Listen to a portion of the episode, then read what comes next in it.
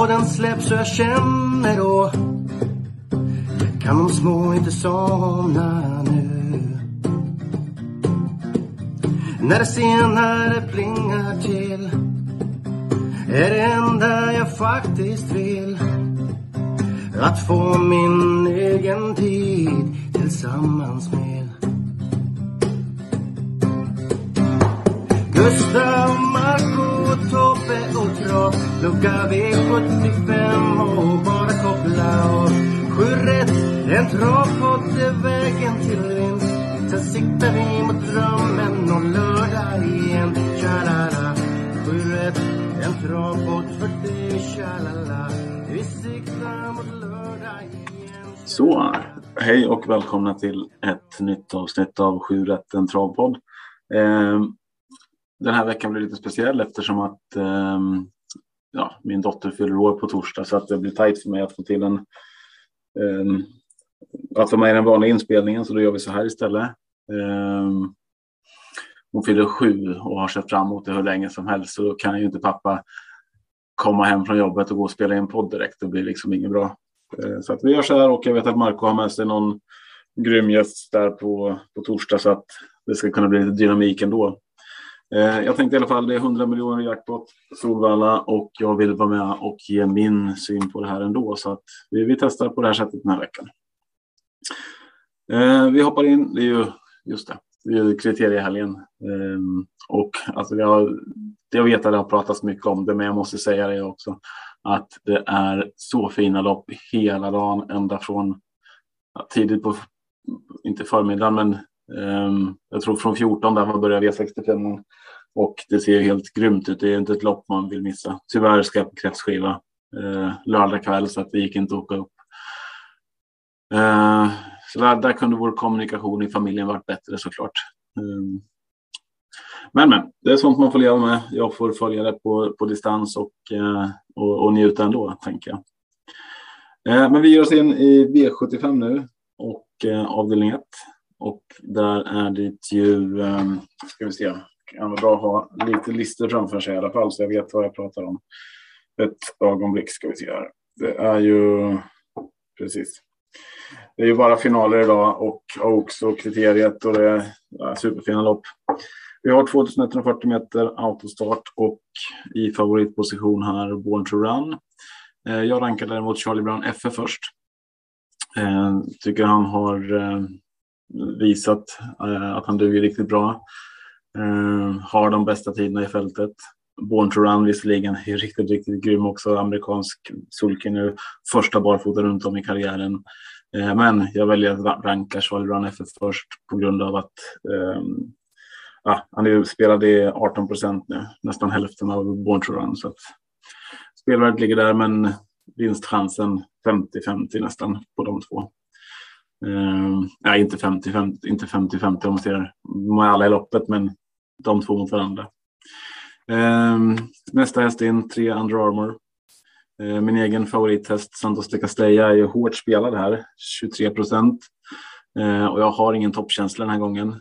Fel distans.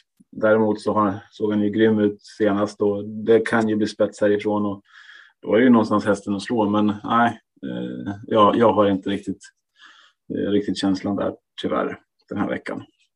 Avdelning två. Eh, här rankar jag nummer fyra, Roll Control först. Ja, förlåt. Eh, här brukar ju Marco göra. 2140 meter autostart här också. Eh, roll Control rankar jag först. Eh, ska ses som en bra chans här. Den hästen som har bäst tider. Han utmanas såklart tidigt av en het Fat Rabbit. Men eh, ja. Eh, jag, jag har ändå roll control före där. Eh, även om det är väldigt jämnt dem emellan. Eh, så ska jag gå kort så är det på roll control. Där bakom vill jag varna för Father Simon som har hittat formen och nummer 11, Uncle Silvio, är fjärde strecket för mig. Sen kommer vi in till STL Open och i favoritposition, inte helt oväntat, nästan 50 procent hittar vi Hail Mary.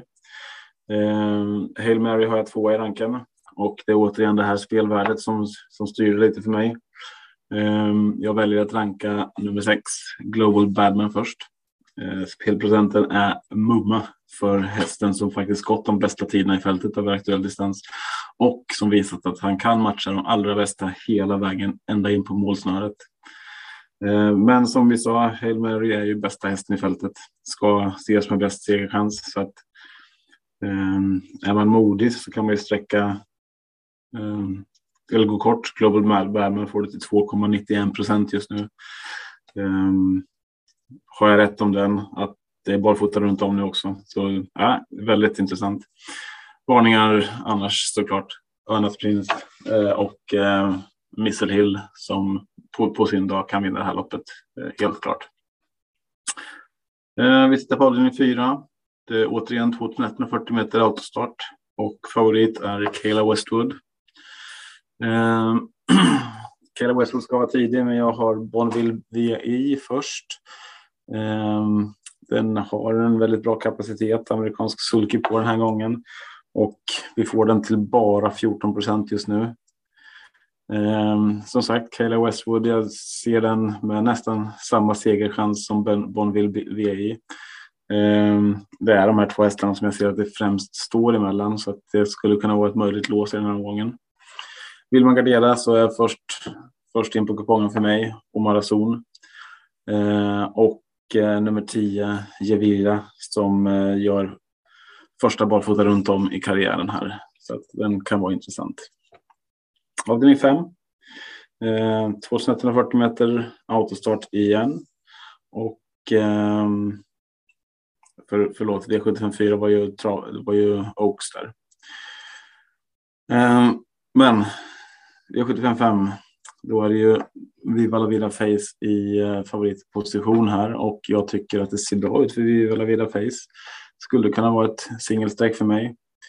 Eh, och det är väl också det att det, det, ser väldigt bra ut. Det har sett bra ut och jag ser att spår två vart ju perfekt här. Eh, vill man gardera så behövs det många streck. Jag tänker att tre Eagle in the Sky ska vara tidig. Det lät ju väldigt bra på Ferox Brick nummer fyra som skulle testas med rycktussar här eventuellt.